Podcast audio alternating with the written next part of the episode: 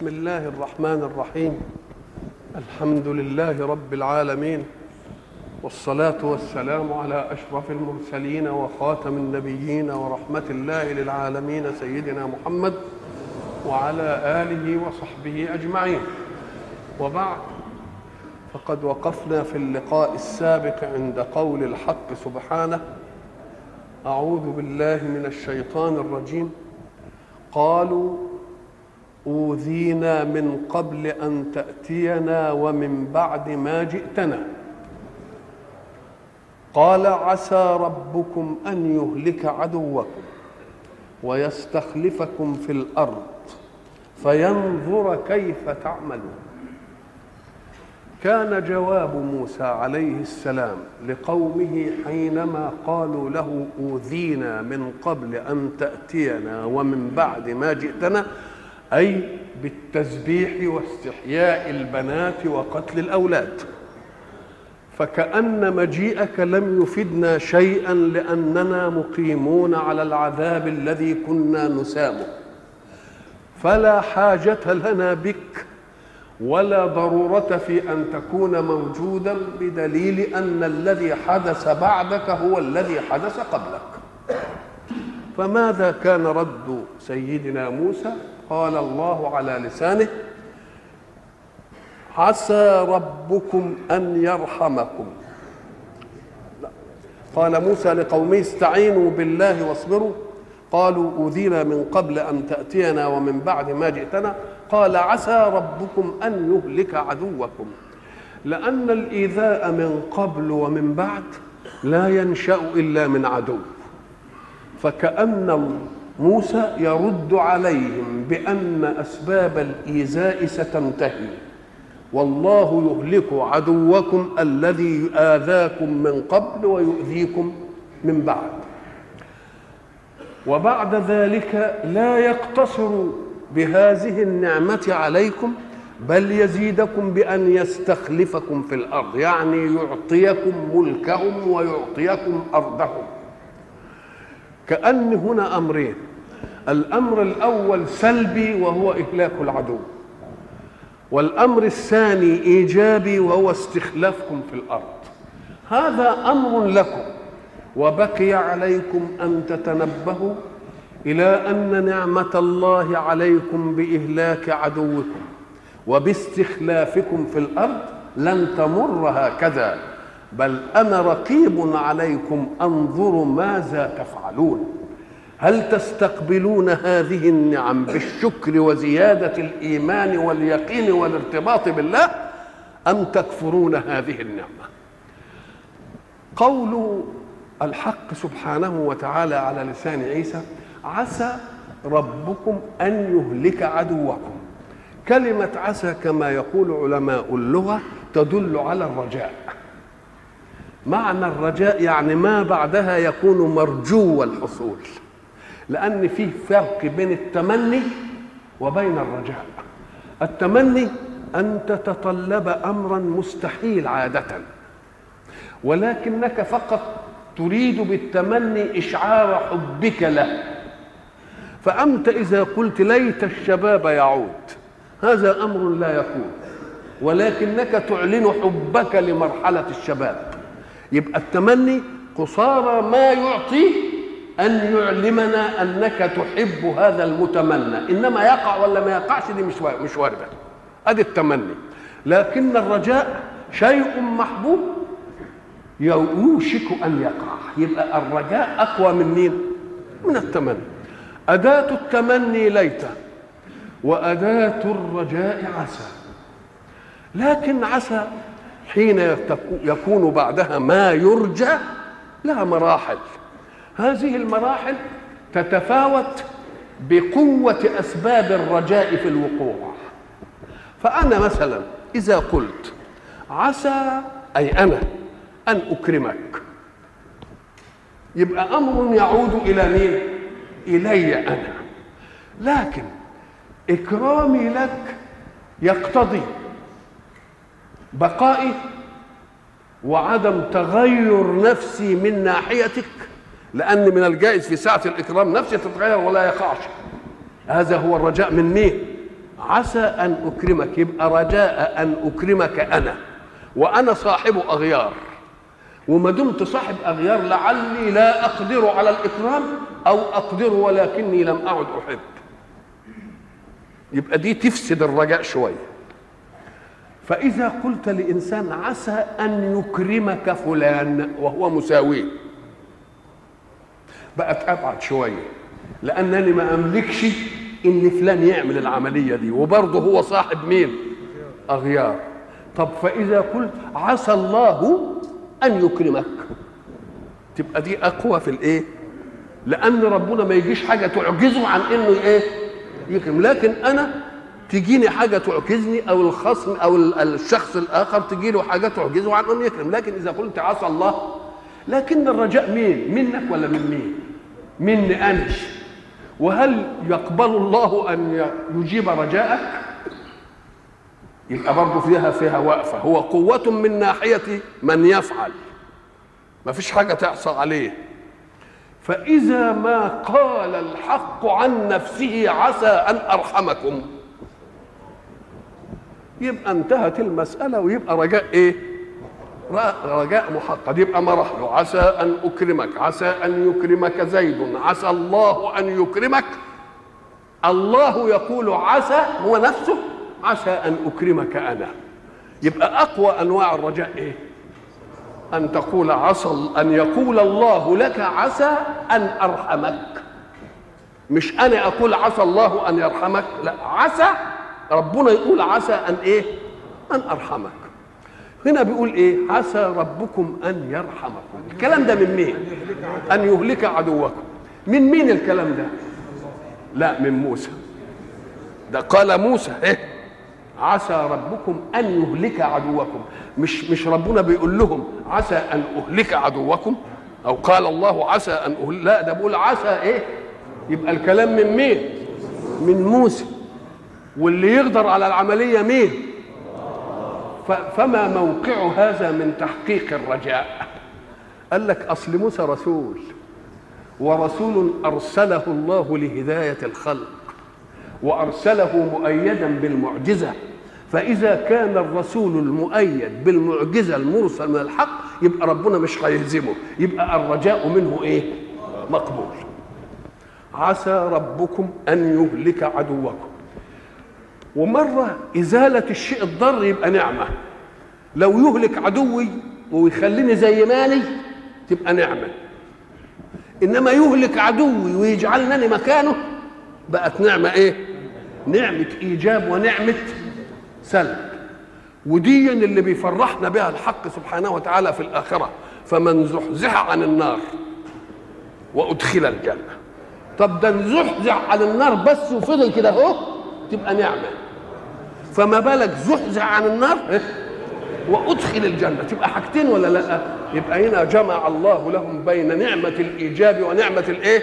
السلب. عسى ربكم أن يهلك عدوكم وتلك وحدها نعمة. وبعدين يستخلفكم أدي نعمة إيه؟ لكن ثمن النعم دي إيه؟ إن هو ينظر ماذا تعملون. هتشكروا النعمة دي وتبقوا عباد صالحين كويسين ولا تجحدوها وتكفروها والإنسان ظلوم كفار وكنود والى آخره. طيب فينظر كلمة ينظر دي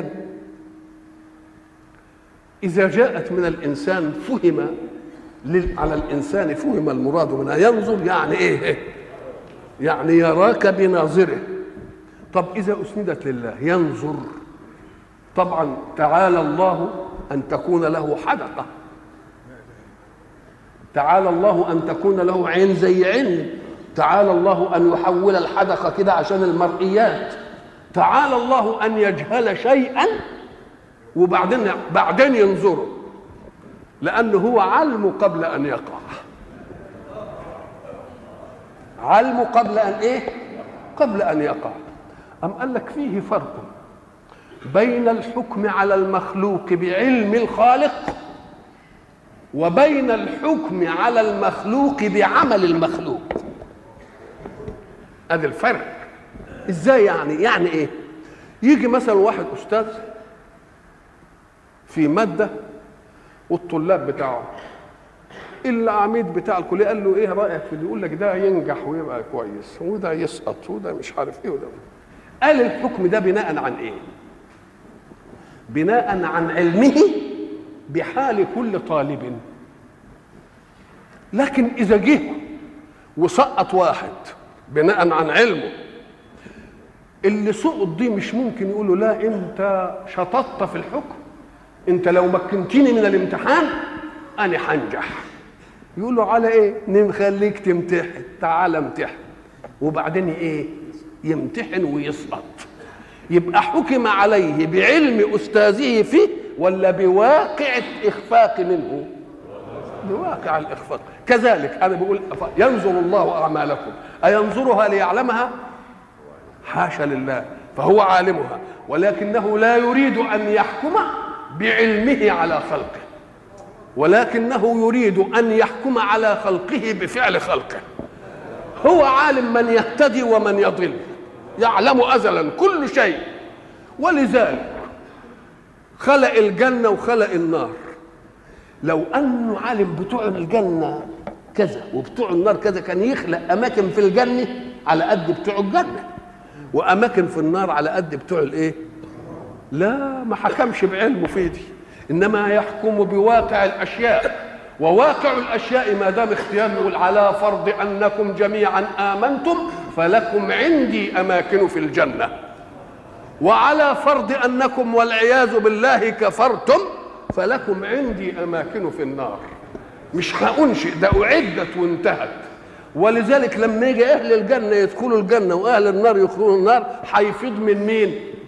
يفيض من أهل لأهل الجنة مقاعد بتوع اللي دخلوا النار. يقوم يقول للي بتوع الجنة ورثوها بقى خدوها منهم أنتم وتلك الجنة أورثتموها. ميراث ميراث من مين؟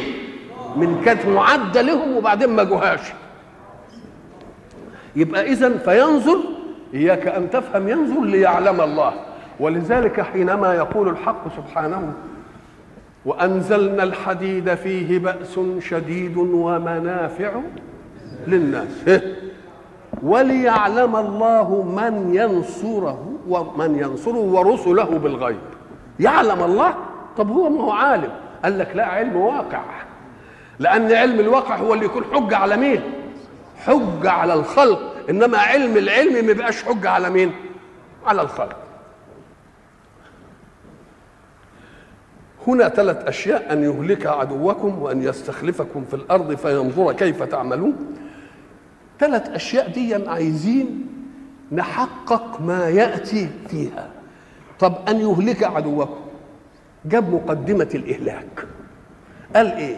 ولقد أخذنا آل فرعون بالسنين ونقص من الثمرات لعلهم يذكرون.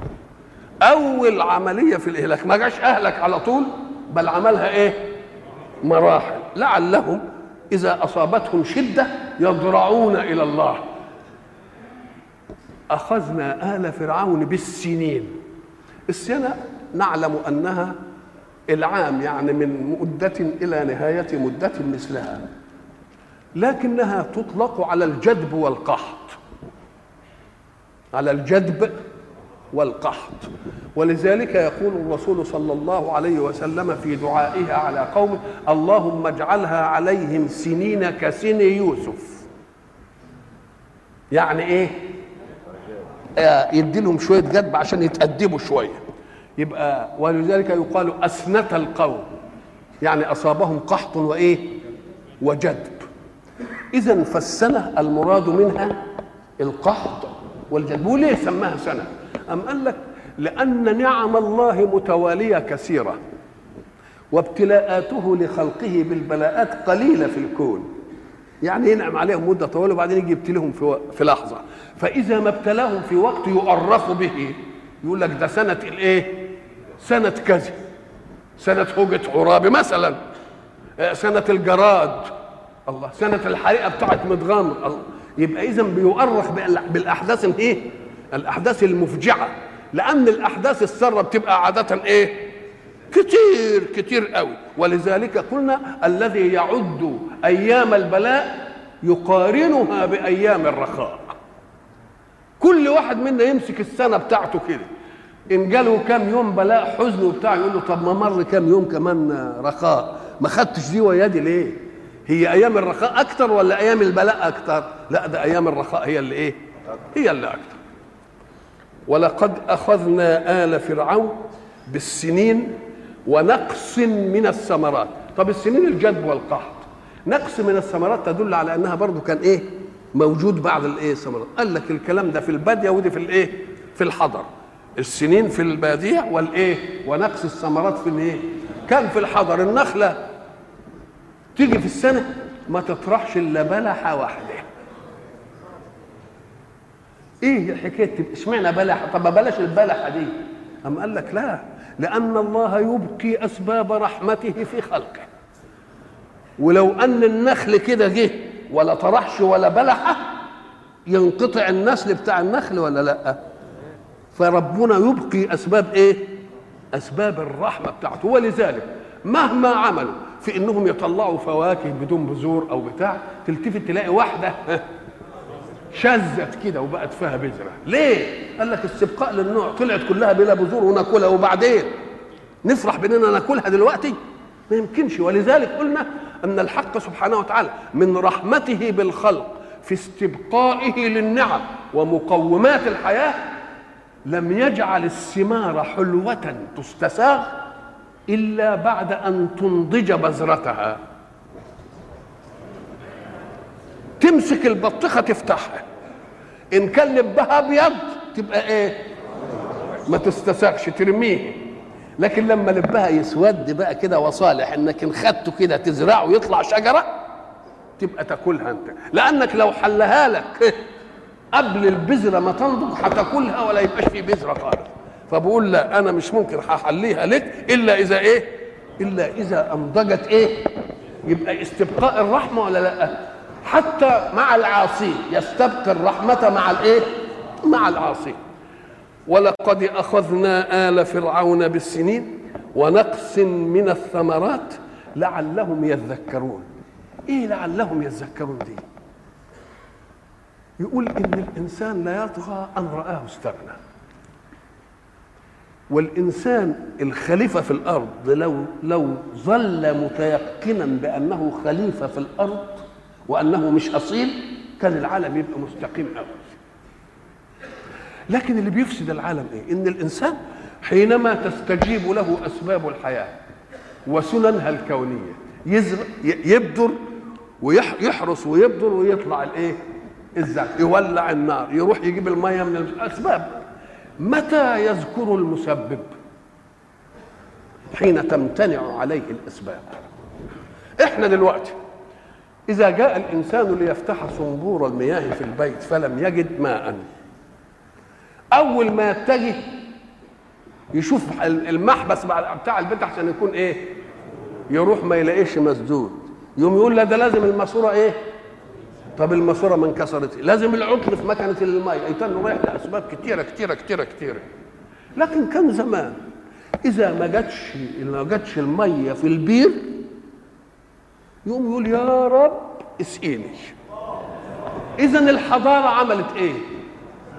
أبعدتنا بالأسباب عن المسبب. كان الأول ملوش ابدا وسيلة إلا إنه يعمل إيه؟ يستسقي نقوم نيجي نقول له طب بس تعالى أنا هاخدهم بالسنين ونقص من الثمرات علشان انفض أيديهم من أسبابها. فإذا نفضت اليد من الأسباب يبقى لم يجب إلا لم يبقى إلا أن يلتفتوا إلى المسبب يا رب. هنا القرآن لما بيقول إيه؟ فلما كشفنا عنه ضره مر كأن لم يدعنا إلى إيه؟ آه طب وإذا مس الضر يعمل إيه؟ دعانا لجنبه آه يبقى إذا متى يذكر المسبب؟ حين تمتنع عنه الأسباب والأسباب دي مقومات الحياة أوله فإذا امتنعت مقومات الحياة يبقى نعمل إيه بقى؟ نقوم نقول يا إيه؟ يا رب لعلهم يذكرون فإذا جاءتهم الحسنة قالوا لنا هذه. أولا ما المراد بالحسنة؟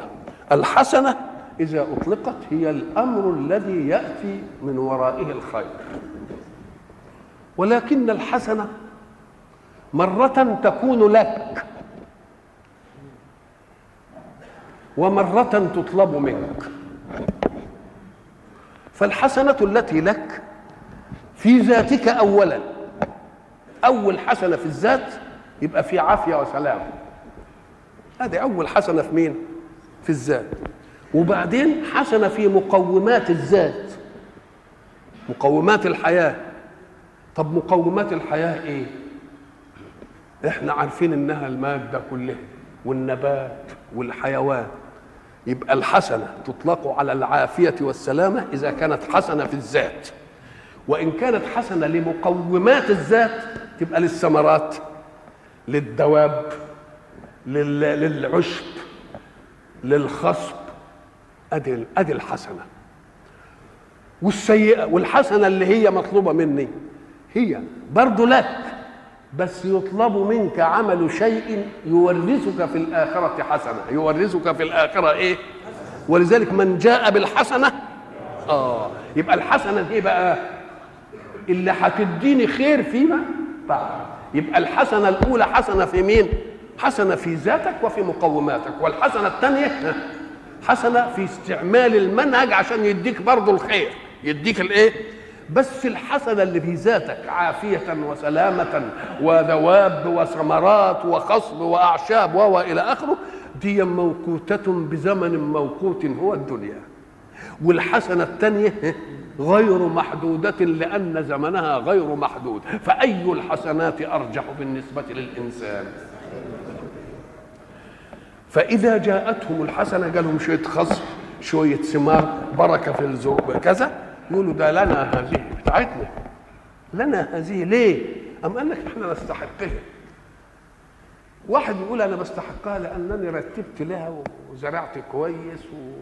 وخدت مش عارف الايه وعملت إيه وعملت إيه زي ما ما قارون قال. إنما أوتيته على إيه؟ على علم عندي. ده المسألة جاية كده ده أنا شاطر قال له ما دام على علم عندك طب الذي جئت به المال خلي العلم اللي عندك يحافظ لك على المال. ولا يحافظ لك على ذاتك. اذا قالوا لنا هذه يعني إحنا إيه, إيه إحنا ده بتاعتنا نستحقها لأننا قدمنا مقدمات وجرت العادة بأن النيل كل سنة يجري ويغمر الأرض وبعدين نبذر الحب ونعمل مش عارف إيه. لك يا ده العادة إذا جاء طب وإن جاءت سيئة زي السنين دي واللي مش عارف إيه. قال لك آه يروحوا جايبين وناسبينها لموسى. يطيروا بموسى ومن معه. بقى إذا جاءتهم الحسنة قالوا إيه؟ لنا هذه. والسيئة يطيروا إيه يطيروا دي يتشاءموا يبقى الطيرة هي التشاؤم والتشاؤم ضده التفاؤل. ولذلك يقول لك إيه؟ فلان طائره نحس فلان طائره إيه؟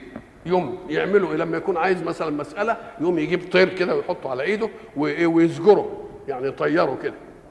فإن طار يمينا يبقى ده فال كويس. وإن طار يسار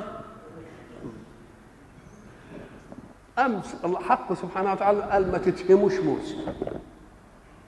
شؤمكم أو حظكم مش من موسى لأن موسى لا يملك في كون الله شيئا. وإنما المالك للكون هو رب موسى. حتى بده ما يخليهمش يفتنوا في موسى إن عمل لهم حاجة. قال لهم لا ده مش بط... لا تتطيروا بموسى وإنما طائركم مين؟ عند مين؟ عند الله. طائركم عند الله؟ أم قال لك أيوه طائركم عند الله. طيب مرة يجي يقول إيه؟ وكل إنسان ألزمناه طائره في عنقه. يبقى طائره. أم قال لك لأن أحداث الحياة صنفان. حدث لك فيه مدخل. واحد لم يذاكر وسقط. واحد ما بيحسنش قيادة سيارة فسقها فعطبت بيه وانصدم وعمل وموت. يبقى عمل إيه؟ له مدخل فيه ولا ملوش مدخل؟ من غريمه في هذا؟ لا غريم له هو غريم نفسه. هذه واحدة. وشيء يقع عليك. يبقى ده اسمه قدر. فالإنسان في الأحداث بين حاجتين اتنين يا مصيبة دخلت عليه من ذات نفسه بتقصيره في شيء.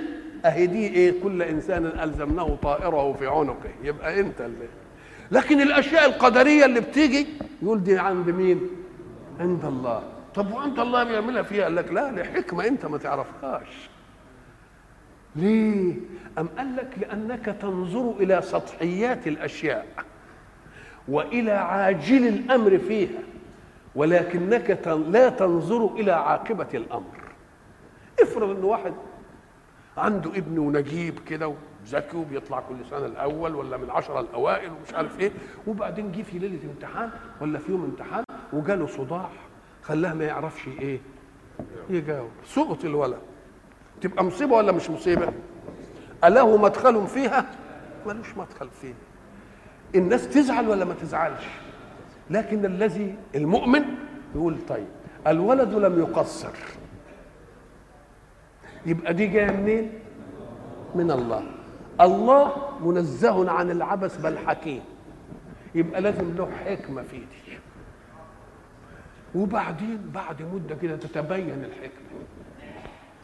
إن الواد ده لو نجح يمكن ينشوه عيب. وده ما مش بيحصل. يقوم ربنا يعمل له تميمة. ربنا يعمل له. طب ده ده زمان كانوا الولد لما يلاقوه حلو كده وبض ومش عارف وفتوة كده وصغير ومش عارف إيه يقوموا يعملوا له إيه؟ الفسوخة. وتملي يخلوه وسخ. و... ليه؟ الولد زي الخوخة دي. قال لك دي اسكت ترد عنه العين. هي قال لك آه يبقى اذا طب وما الذي يدريك أن الله سبحانه وتعالى صنع له هذا الأمر ليرد عنه العين؟ ويسكت الناس عنه. طب ومن, ومن الذي يدريك أن الله جعله يسقط السنة دي؟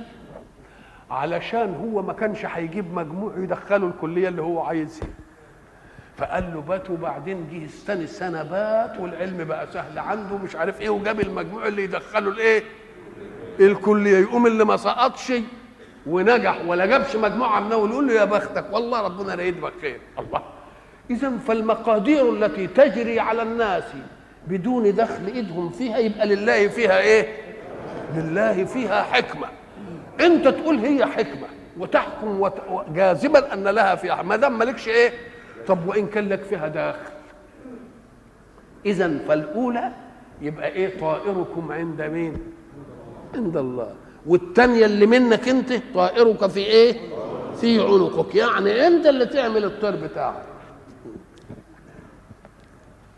فإذا جاءتهم الحسنة قالوا لنا هذه وإن تصبهم سيئة يطيروا بموسى ومن معه ألم يتطير اليهود في المدينة برسول الله صلى الله عليه وسلم حينما قالوا قلت الأمطار وغلت الأسعار من شؤم مجيء هذا الرجل فتطيروا بمين؟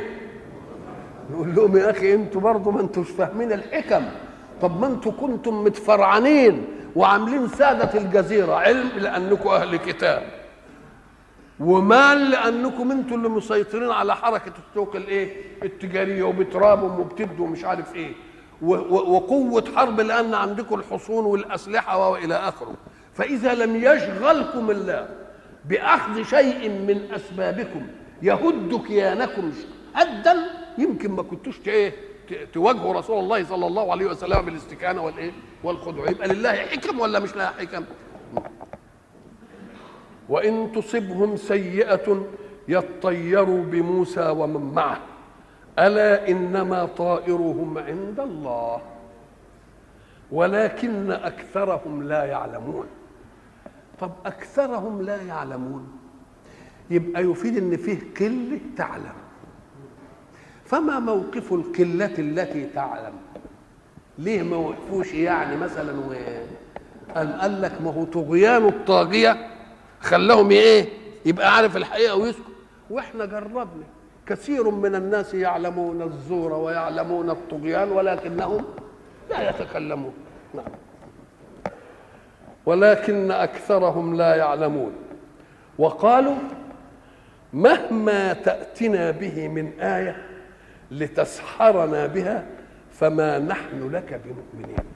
كل هذه مقدمات تبرر الإهلاك الذي قال الله فيه عسى ربكم أن يهلك هذه مقدماتها آية. وقالوا مهما تأتنا به من آية لتسحرنا بها فما نحن لك بمؤمنين برضو لسه معتقدين أنها سحر. ومن الذي قال؟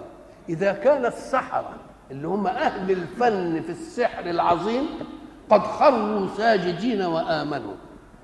يبقى مين اللي يقول بقى إن هو ده سحر؟ يبقى اللي ما بيعرفش يسحر هو اللي فضل لأن السحرة كلهم جمعوا إلى وقت المعلوم وعملوا العملية والآخر وآمنوا وسجدوا وهو إلى آخره. يبقى اللي قالوا لتسحرنا بها مين اللي قال هذا الكلام بقى؟ اللي ما يعرفش في السحر. برضه مخلي عمل موسى من مين؟ طب إذا كان عمل موسى من السحر طب الجماعة السحرة اللي سبقوا ما عملوش وياه أي حاجة ليه؟ يبقى برضه لسه فاهمين إن الآيات من الله هي من الإيه؟ هي من السحر. فبقولوا مهما كلمة مهما دي تدل على استمرارية العناد في نفوسهم. تقول له مهما جبت لي من حجة يعني معناها إنني إيه؟ إنني صممت على إني ما أقبلش كلامك. طب ما تستنى. تقول لي هات حجة تانية. لكن لما أجيب لك حجة تانية دي تقنعك. إنما لما تيجي تقول له مهما تأتيني به من آه ما فيش حاجة يبقى معناها إيه؟ استمرارية الإيه؟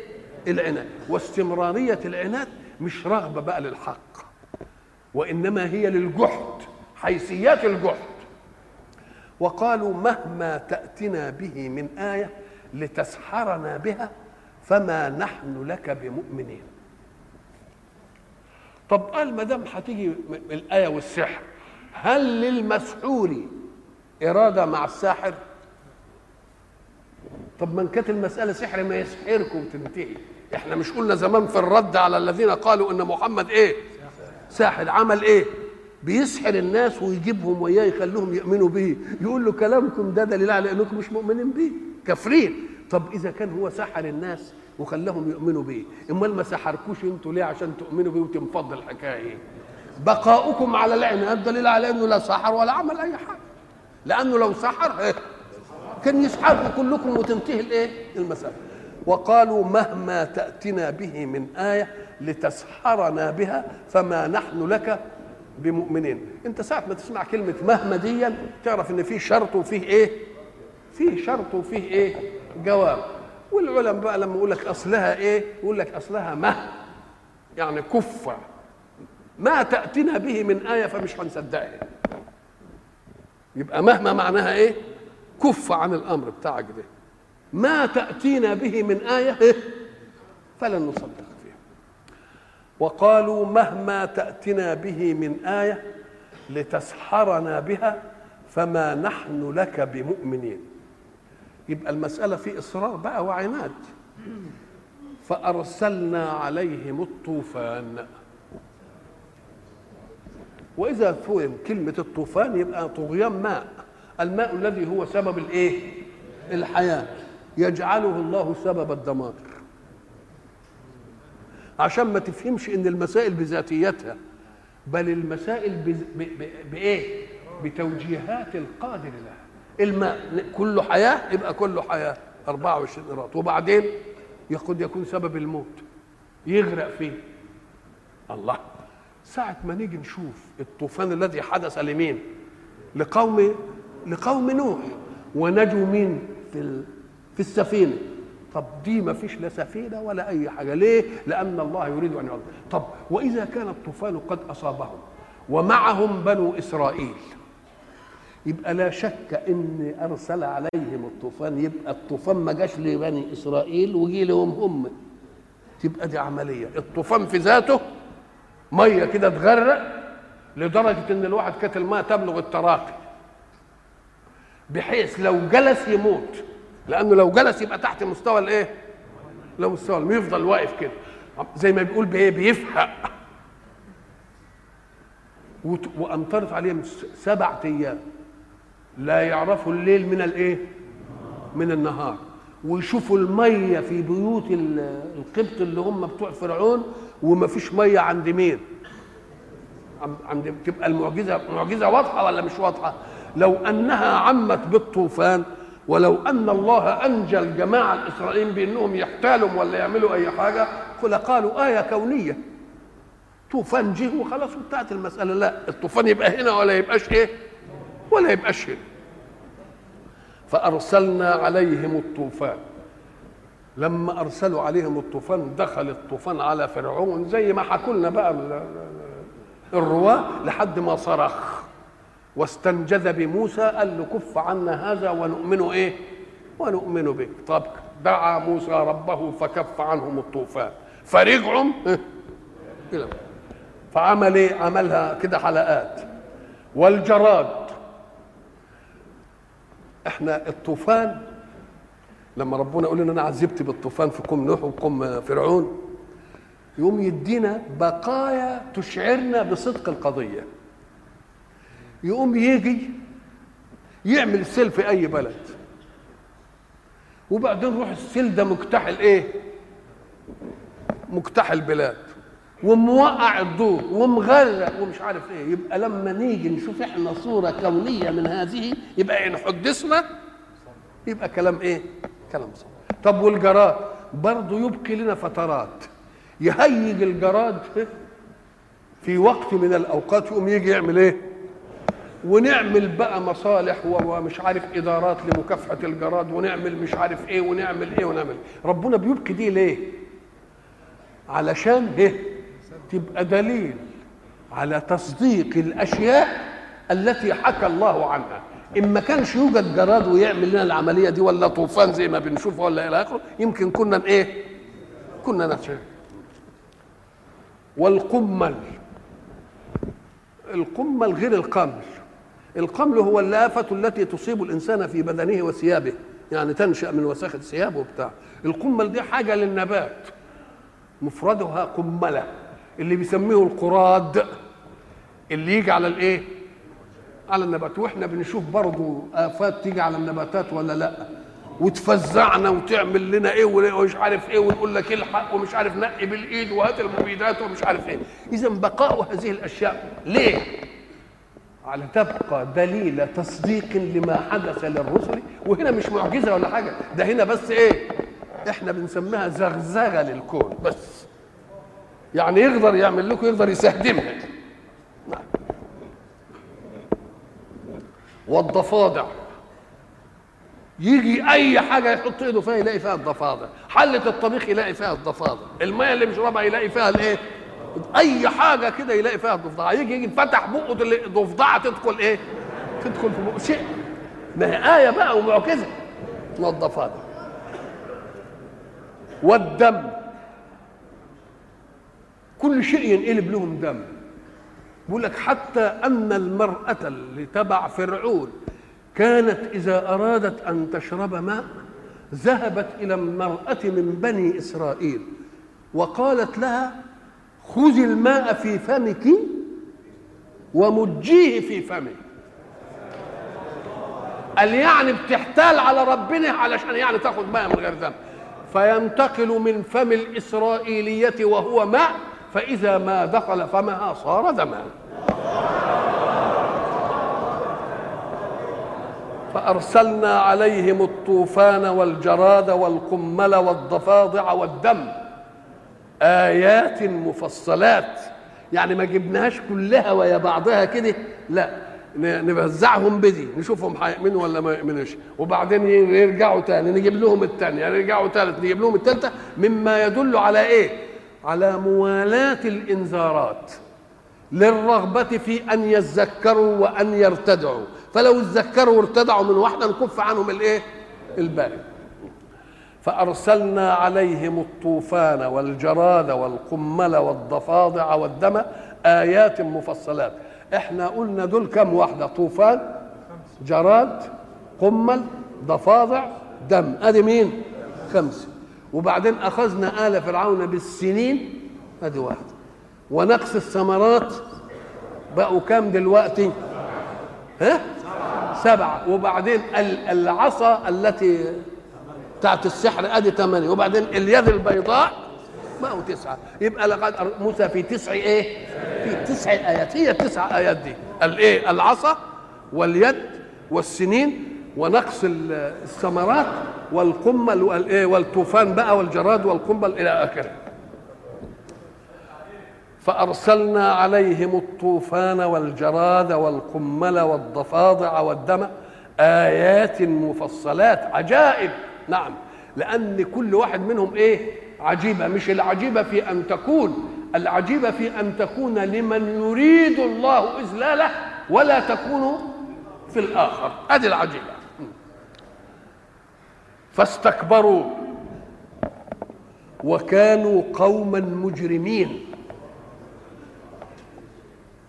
ولما وقع عليهم الرجز العذاب اللي شافوه ده قالوا يا موسى ما كانش في مفزع إلا كده ادع لنا ربك بما عهد عندك.